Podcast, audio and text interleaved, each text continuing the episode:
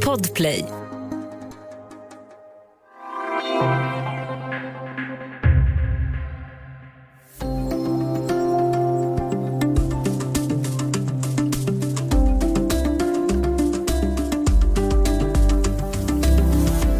Hade en eh, kommunal kampanj som eh, hette eh, där Karlskrona är fullt och Göteborg är fullt och Malmö är fullt och så vidare.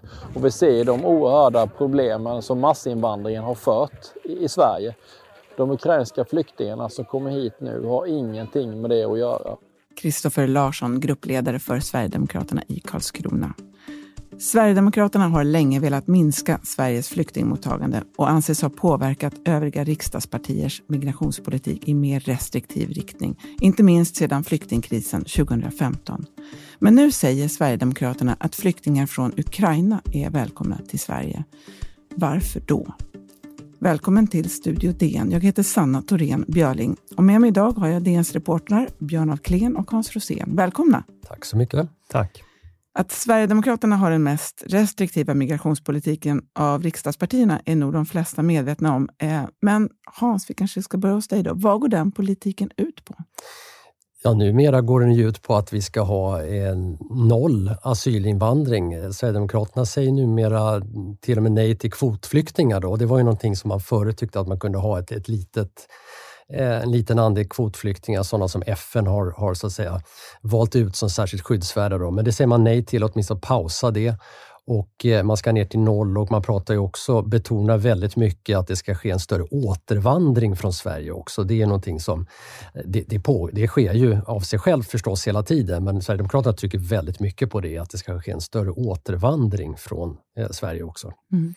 Vart vill Sverigedemokraterna att migranter och flyktingar tar vägen? Alltså, eh, Sverigedemokraterna trycker väldigt mycket på det här uttrycket sä första säkra land, så att säga. Så att man bryr sig nog inte så mycket om vart de ska, utan man menar att att eh, de flesta långväga flyktingar har passerat flera säkra länder på vägen hit och då, ska man, då får de stanna där så att säga. Sverige ska bara ta emot eh, flyktingar som man anser då behöver komma till just Sverige enligt deras sätt att se. Man har väl också idéer om att man ska kunna söka asyl från distans, att man ska slippa ta emot dem vid gränsen. Att eh, det byråkratiska ärendet ska avgöras utanför Sveriges gränser. Mm. Eh, du var ju nyligen i Karlskrona i Blekinge, eller ni, eh, där Sverigedemokraterna är starka. Hur har den där politiken, Björn, tagit sig uttryck där? Karlskrona, där jag var, det är en hamnstad och där kommer färjan från Polen två gånger om dagen, så där kommer många ukrainska flyktingar nu, så där har den här frågan fått en slags påtaglighet. Och där har man, eh, SD har haft en väldigt aggressiv anti-invandringsretorik tidigare, men nu har man, den förbytts då i ett välkomnande. Och eh, man trycker ganska hårt på att ukrainarna har en liknande kultur som den svenska. Gruppledaren hos SD Karlskrona, Kristoffer Larsson, han liknade en glasburk, att om det finns sten i burken så går det inte in grus, däremot går det in vatten som fyller upp håligheterna. Och det är då ukrainare och då menar SD att de eh, är västerländska, de eh, är arbetsvilliga, de är kristna och det kommer inte bli samma integrationsproblem, menar SD, som till exempel med invandrare från Mellanöstern eller Nordafrika. Hur har det tagits emot i Karlskrona?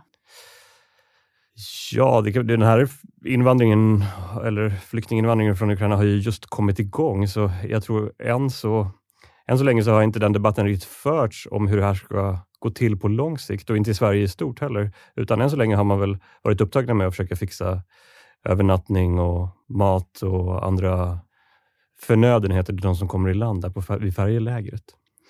I eh, ett reportage som har publicerats i Dagens Nyheter så har ni också träffat Ludvig Aspling som är Sverigedemokraternas talesperson i migrationsfrågor. Eh, vi ska höra vad han säger. Det här är vårt närområde, det är Europa.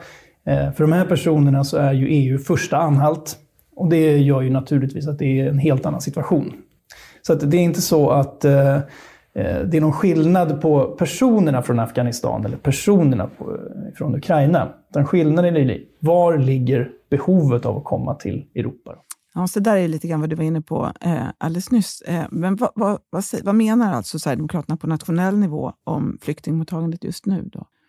Det är ju intressant med Sverigedemokraterna. Eh, partier består ju av många olika nivåer. Jag tycker att, att det, det som Björn mötte i Karlskrona, det är liksom en nivå Och sen har vi riksdagsledamöterna som är en annan nivå så att säga och en sån person som Ludvig Aspling som är migrationspolitisk talesperson. Han är liksom anförtrodd då det här som ju är partiets kärnfråga så att säga. Har ju ett annat vokabulär, uttrycker sig annorlunda om de här sakerna. Trampar inte snett så att säga, utan det är ett ganska formellt resonemang som han för kring eh, Närområde är ena nyckelbegreppet och eh, sä första säkra land är det andra nyckelbegreppet. Och med det menar han ju då att, som jag var inne på tidigare, att flyktingar ska hjälpas i närområdet. Eh, de länder som ligger närmast en konflikt, det är de som har ansvaret. Eh, och eh, då är det intressant hur man definierar närområde och där, där har man ju eh, Sverigedemokraterna länge talat om de nordiska länderna och även Baltikum som närområde. Men som statsvetaren Ann-Katrin Ljungar påpekar i vår artikel så har man utvidgat det här närområdet. Även ukrainarna är nu inkluderade i detta och, eh, och, och, som Björn var inne på, man kan peka på att de är kristna och så vidare och i någon mening ingår i en europeisk eh, kulturgemenskap och så vidare. Och det gör det ju lite lättare för Sverigedemokraterna, inte minst internt, att sälja in att, att de här, just de här flyktingarna, vi har visserligen sagt att Sverige är fullt, men just de här flyktingarna, de måste vi ändå glänta på dörren för. Mm. Björn, var det, hur lät pratet när du var nere i Karlskrona? Hur, hur, hur, om, om det här är det som man hör på nationell nivå, på vilket sätt tycker du att det skiljer sig från det som sägs lokalt? Hur, alltså det som där slog... man möter människor där nere, som verkligen möter också de människor som kommer. Ja, men det som slog mig när man talar med företrädare för partiet och väljare. Vi träffade ju en väljare från Karlskrona som har röstat på SD sedan början av 90-talet, sa han. Och, eh, han hade då haft en ukrainsk mamma och hennes tre barn boende hos sig i sin villa och var väldigt berörd av hennes öde. Uh, och så frågade jag då, men du har röstat på ett parti som vill strypa all invandring. Uh, finns, det in, finns det ingen motsägelsefullhet? Och då sa hon att nej, absolut inte, utan det handlar mer om att de från Afrika, de uh, kommer bara hit för att begå brott, för, för, att snylta på våra välfärdsprogram. Medan det här är arbetsföra människor som är villiga att ingå i en gemenskap. Så det, det är en otrolig skarp och faktiskt öppet rasistisk idé här man företräder om att alla från Ukraina är så att säga villiga att ingå omedelbart i det svenska samhället. Och det är värt den eh, ekonomiska belastning det möjligen kan innebära på sikt. Medan eh, man, man, man prövar inte ens den solidariteten eller den empatin med människor som kommer utanför Europa. Och jag, jag har inte hört det riktigt så tydligt som när de här grupperna ställs mot varandra, mm. som jag gjorde hemma hos den här väljaren ja, han kanske inte företräder alla sverigedemokrater, men han var speciell som han faktiskt hade haft ukrainska flyktingar boende hos sig, men var helt främmande för att ta emot eh, människor med annan hudfärg eller annan religion. Mm. Hans, hur resonerar de andra riksdagspartierna eh, i de här frågorna? Gör man skillnad på olika typer av flyktingar på, det här, på motsvarande sätt? Eh, alltså, intressant, eh, Socialdemokraterna har ju faktiskt uttryckt sig i sak väldigt restriktivt också kring den här flyktingvågen eh, på ett sätt som, som åtminstone på ytan kan likna Sverigedemokraterna. Man har sagt det att ja, vi har en flyktingkatastrof i vårt närområde, vi ska ta ansvar, men bara vår del. Det har ju Magdalena Andersson varit väldigt tydlig med så att säga. Eh, för även hon menar att Sverige har redan tagit ett väldigt stort ansvar 2015 och framåt och nu är det upp till andra länder att kliva fram och ta ett helt annat ansvar, vilket ju verkligen sker om man tittar på siffrorna. Polen det är ju märkliga med den här situationen att Polen som då i många år har varit helt emot flyktingmottagande eller väldigt restriktiva i alla fall och inte velat ingå i någon sån omfördelningsmekanism i EU har ju nu tagit emot, jag vet inte vad vi är uppe i, två miljoner, två miljoner ungefär ukrainare nu. Um, så att, um, även Ungern har tagit emot väldigt Även Ungern, ja, som också varit väldigt flyktingrestriktivt. Så att, uh, jag tror att i alla, alla partierna finns det i varierande grad liksom en, en, uh, en benägenhet, att vi, eller en uppfattning att vi ska hjälpa de här flyktingarna, men, men många partier, liksom Socialdemokraterna, ser ju också att det, det, måste vara ett begränsat mottagande. Men det som skiljer är väl lite grann de här resonemangen kring varför man ska hjälpa olika flyktingar, så att säga. De här resonemang kring kulturell gemenskap har inte samma framskjutna plats när en socialdemokrat pratar ju alls liksom, eh, i, i, resonemanget. Mm.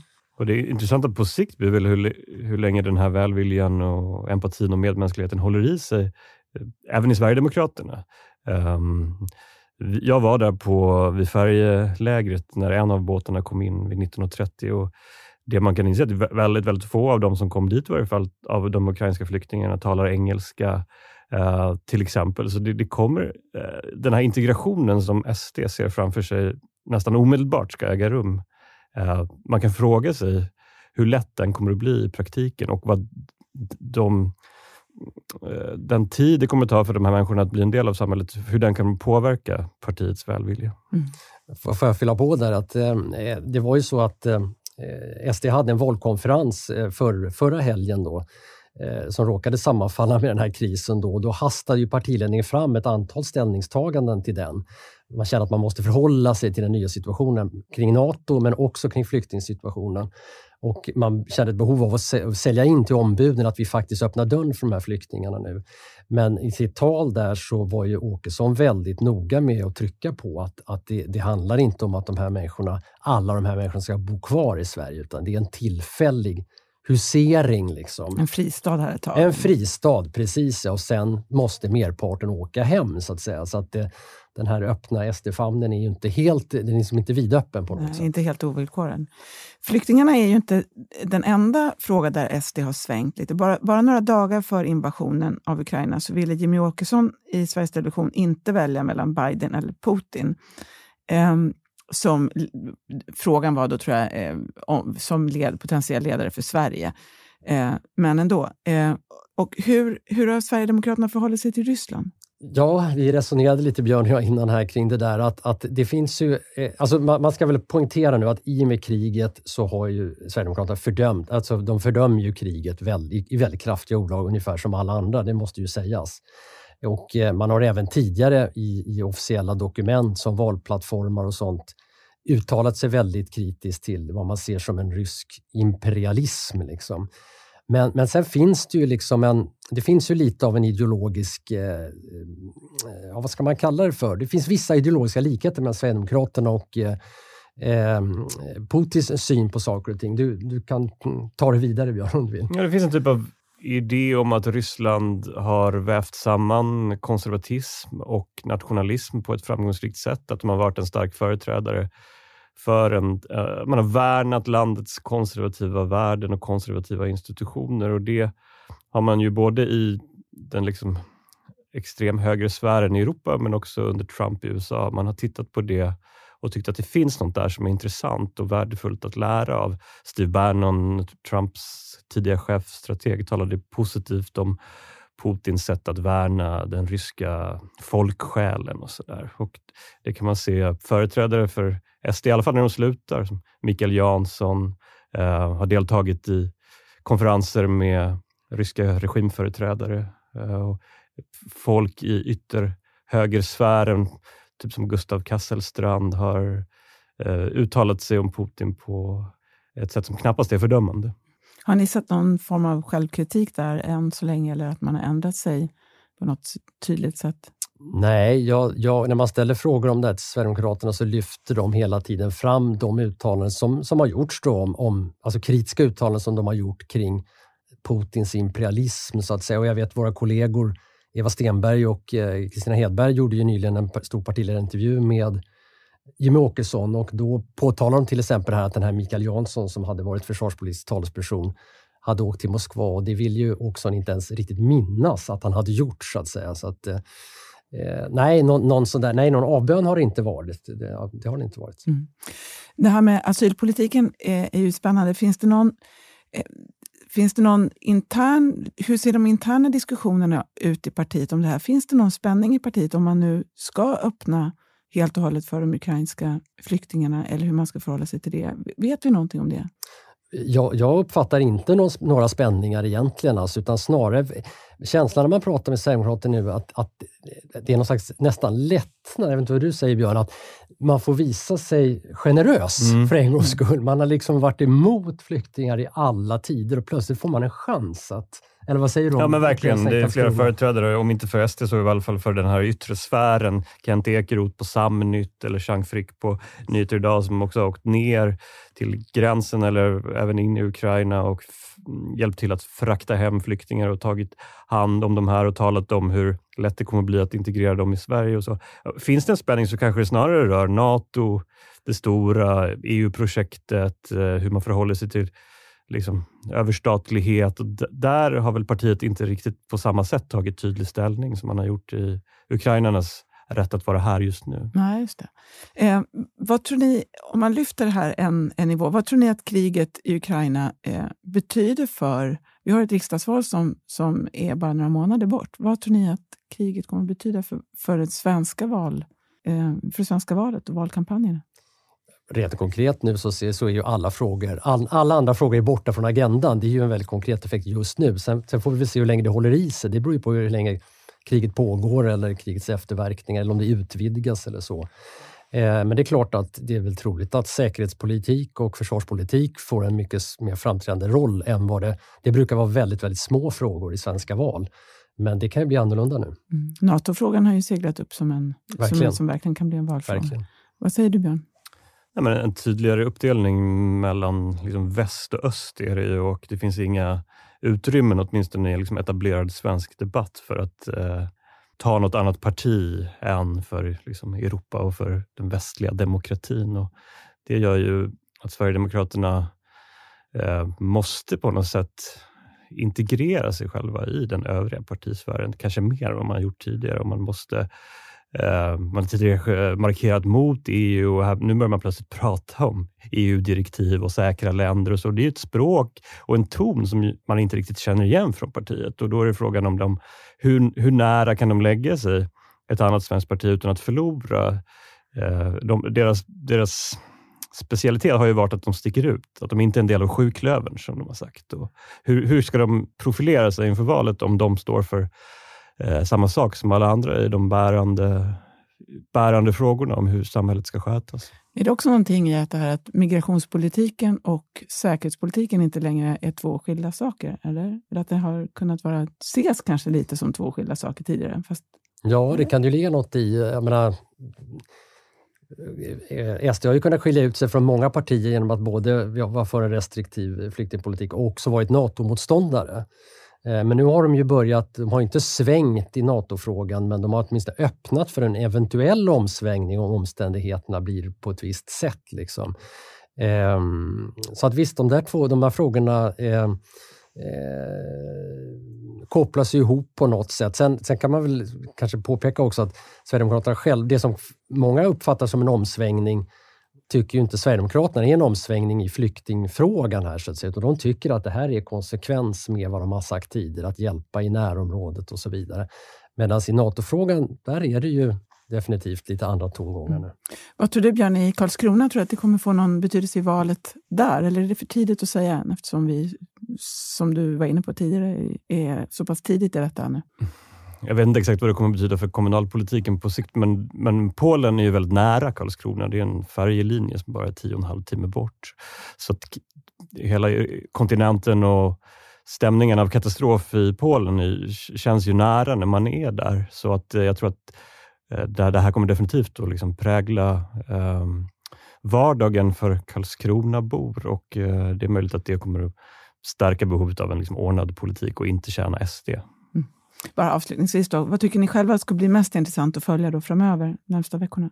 Alltså jag tycker det ska bli jättespännande att se hur den här vågen av flyktingar hur det ska gå till när de tar del i Sverige. Vi pratade just på ett möte här att Vilhelmina ska ta emot 900 personer och det är en stad med 5000 invånare ungefär. Så det är ju, det är ju en jättestor mängd av individer som ska nu bli en del av samhället. Hur ska de lära sig svenska? Eh, vilka jobb kan de Eh, få på kort sikt? Eh, hur tänker de kring huruvida de ska stanna här eller inte? Eh, jag menar, flyktingvågen 2015 har ju verkligen förändrat Sverige på alla sätt. Hur Sverige ser ut, hur politiken förs, hur man pratar om politik och det här kommer säkert att göra det också. Mm. Ja, det blir intressant också att se, hur, som du var inne på där, vad, vad får det för påverkan på valet nu?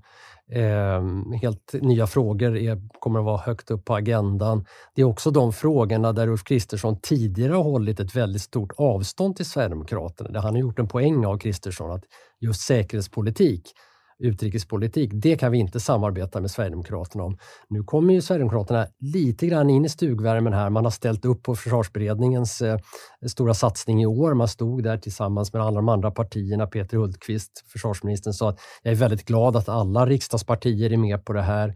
Man sitter med nu och analyserar hur säkerhetspolitiken ska se ut framöver.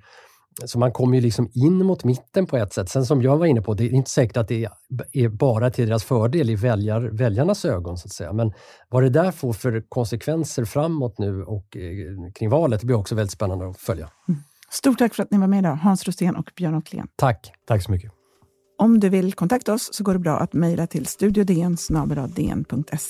Kom också ihåg att prenumerera på Studio DN där du lyssnar på poddar så missar du inga avsnitt. Studio DN görs för Podplay av producent Palmira Kokarimenga, ljudtekniker Patrik Miesenberger och teknik Jonas Lindskog Bauer Media. Jag heter Sanna Thorén Björling.